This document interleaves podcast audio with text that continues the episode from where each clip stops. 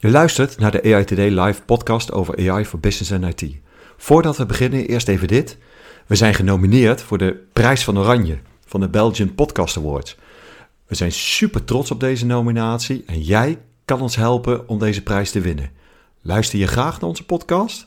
Stem dan via belgianpodcastawards.be. Alvast bedankt.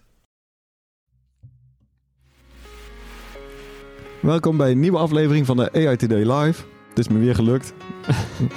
niet, op, niet op de recordknop gedrukt. Nu waren we 10 minuten onderweg, helaas. Uh, we zitten in het tweede deel van uh, opname met uh, Marijn Markers. heb je het eerste deel nog niet geluisterd? Luister die, luister die alsjeblieft terug. Heel Zeker. erg interessant. Mijn naam is Joop Snijder, CTO bij Agency. En mijn naam is Niels Nicolay, chapter lead bij Infosport. Marijn, dankjewel voor het tweede deel van dit gesprek.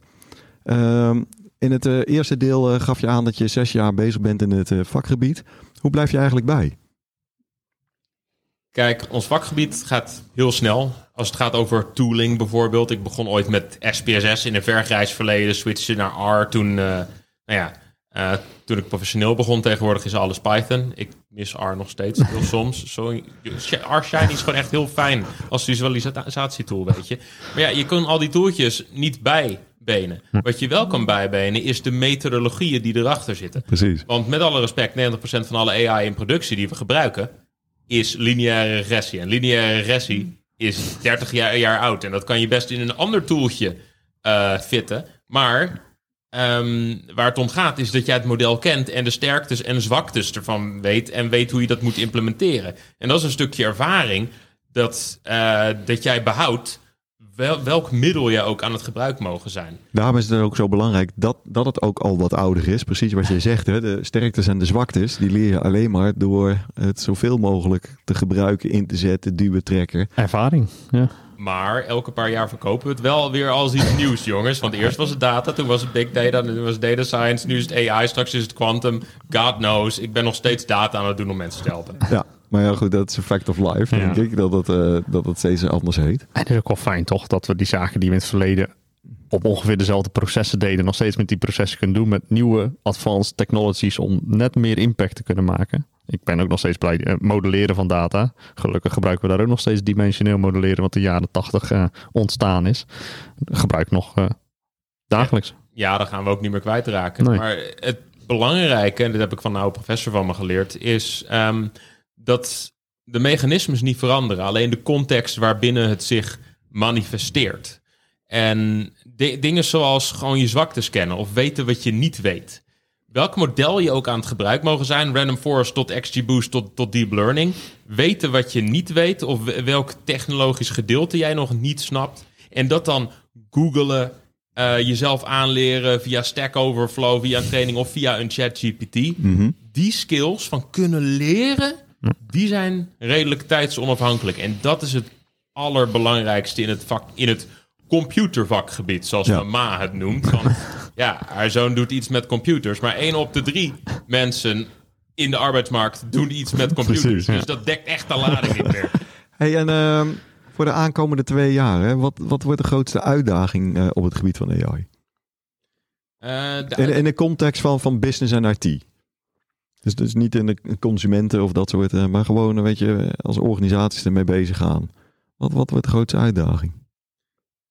De uitdaging is dat we nu van de ene naar de andere hype aan het rennen zijn met ChatGPT uh, als, als modernste voorbeeld, waarvan de ene helft schreeuwt het wordt, het wordt allemaal geweldig en de andere het is verschrikkelijk, want geen enkele do docent, uh, student zal meer een paper hoeven te schrijven. Mm -hmm.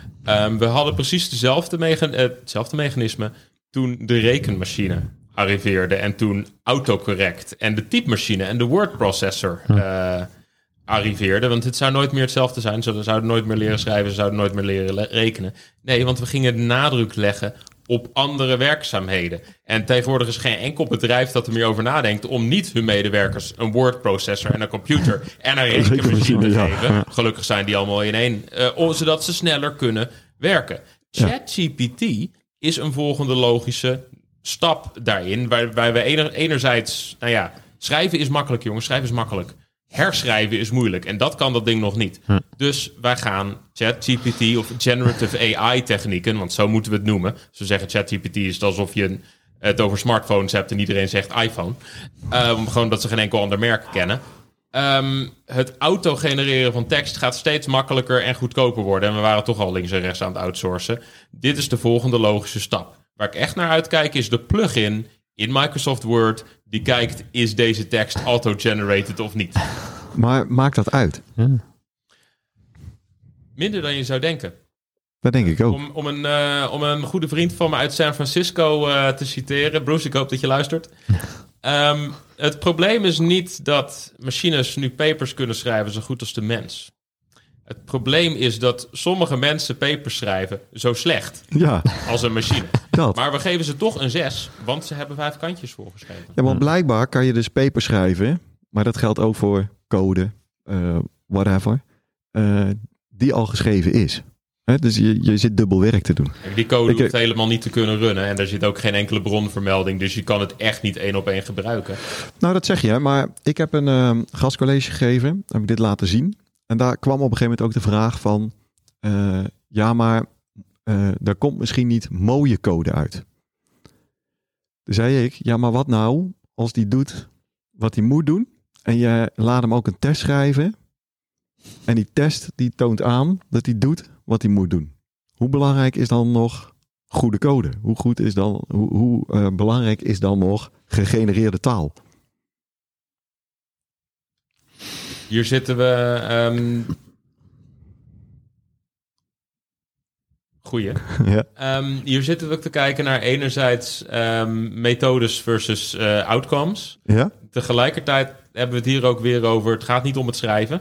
Nou, het gaat over het code genereren of tekst genereren. Mhm. Het gaat over het herschrijven. En ik ben echt verschrikkelijk slecht in het beginnen van, van, van schrijven van de codebase. Mhm. Of beginnen met schrijven van een paper.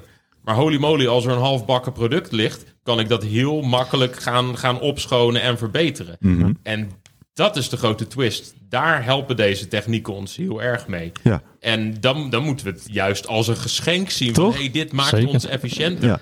Ik hoef niet meer al mijn eigen DT-spellingcheck Ja. te doen, jongens. En je weet dat je dat niet zo goed weet. Dus als je daar tools voor in kan zetten om het doel te bereiken wat je wil bereiken, why not? Toen de stoommachine kwam, zaten we ook eh, te schreeuwen... ja, die kinderen leren nu nooit meer wat hard werken is... want ze gaan stoommachines Ja. gebruiken. Dit is de zoveelste in, industriële revolutie. Dit is de zoveelste stap. Ja. En ja, we zijn slecht geworden in hoofdrekenen. We zijn slecht geworden in, in netjes aan elkaar schrijven en al die dingen... omdat we de focus kunnen leggen op iets anders. En dat is het echte interessante, vind ik... van technologische vooruitgang binnen AI... is dat het ons steeds meer laat zien... van wat wij als echt menselijk beschouwen. Ja.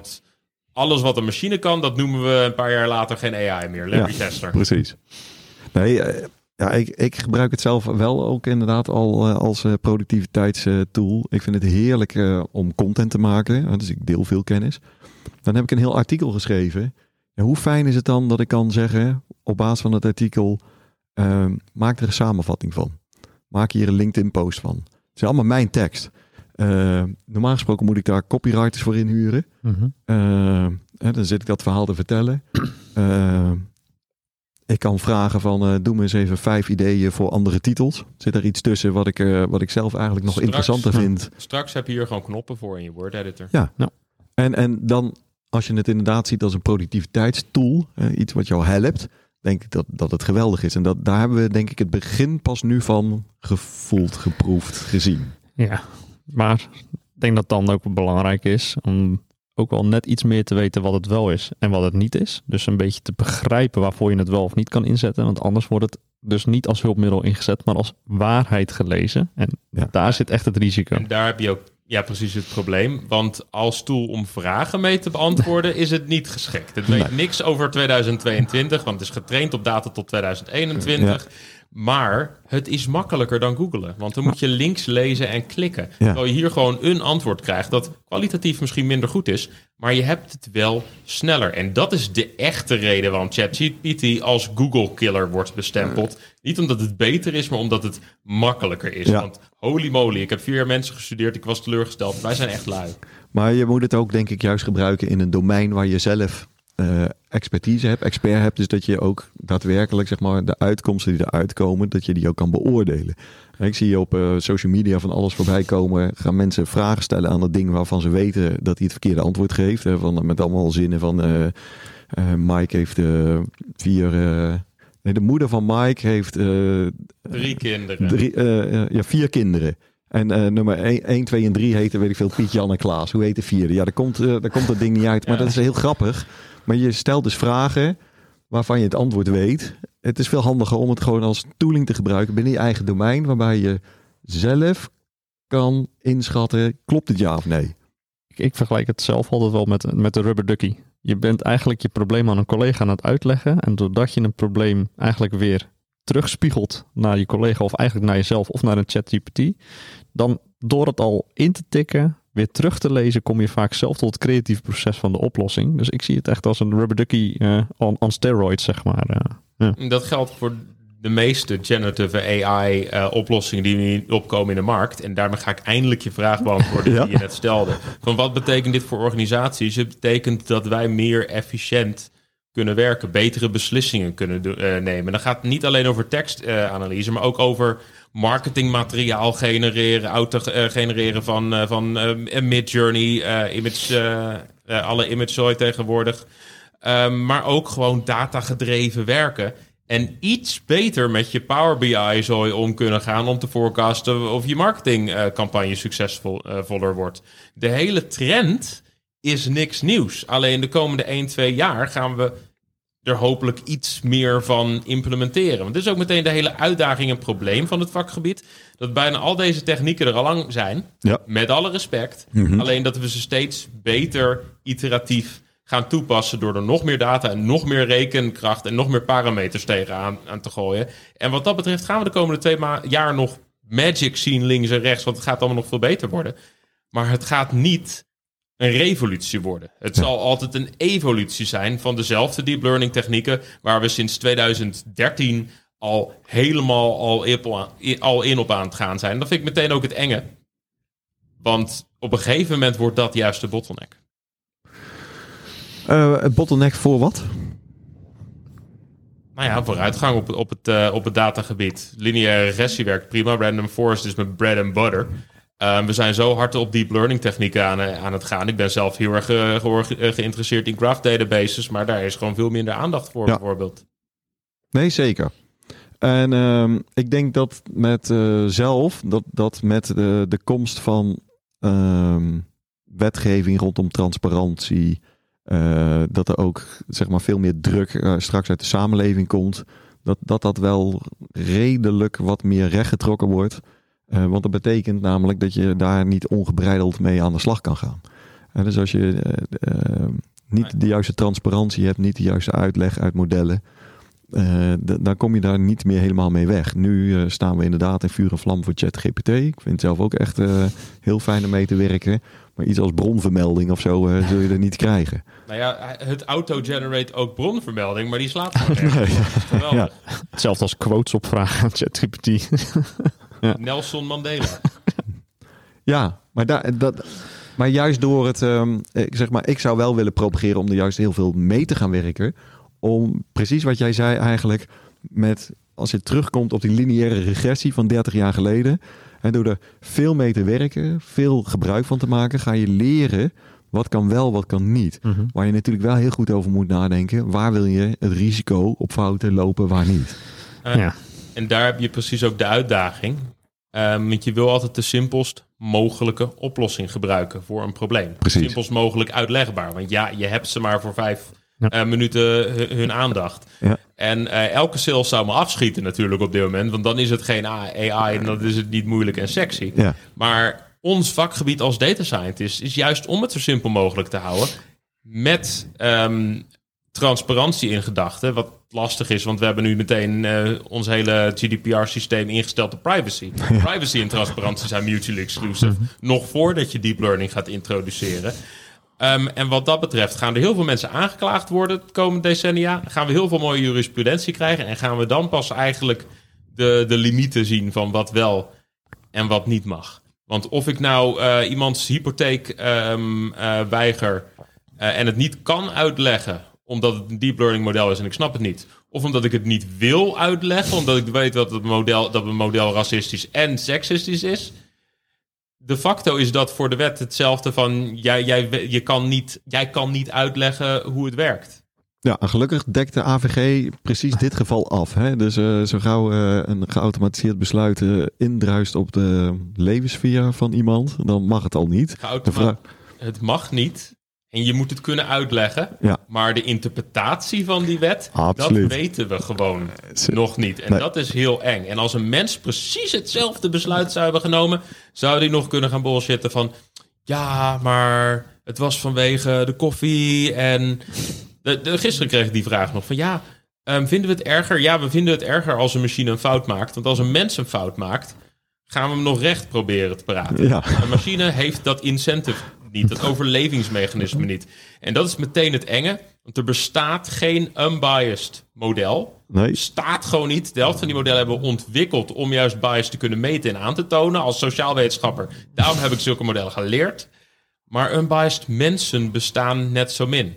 En als een mens zegt, nee, we moeten niet de data en we moeten niet de machines gebruiken, want die zijn biased, dan vertrouw ik die mens niet. Want die heeft iets te, be- te verbergen. Want ik heb data nodig om de mensen te controleren. En ik heb mensen nodig om de data te controleren. Nou, wij slagen er op, organisa op organisatieniveau nog totaal niet in om die twee met elkaar te laten praten. Dus ik heb eh, wel een baan de komende decennia. ja. Nou, dat lijkt me een hele mooie om mee af te sluiten. Zeker. Er bestaat geen unbiased data en er bestaat, bestaan geen unbiased personen. Mooi Mar eh, Marijn, dankjewel. Leuk dat je weer luisterde naar een aflevering van AI Today Live. Vergeet niet om je aan te melden. Nee, hoe zeg je dat? Om eh, op het juiste knopje te drukken bij eh Spot, eh, Spot- bij eh, Op je Spotify- social media. Op je social media, Spotify. eh, je weet wat ik bedoel. Eh, dan mis je geen aflevering. Eh, tot de volgende keer, joh. Like en subscribe.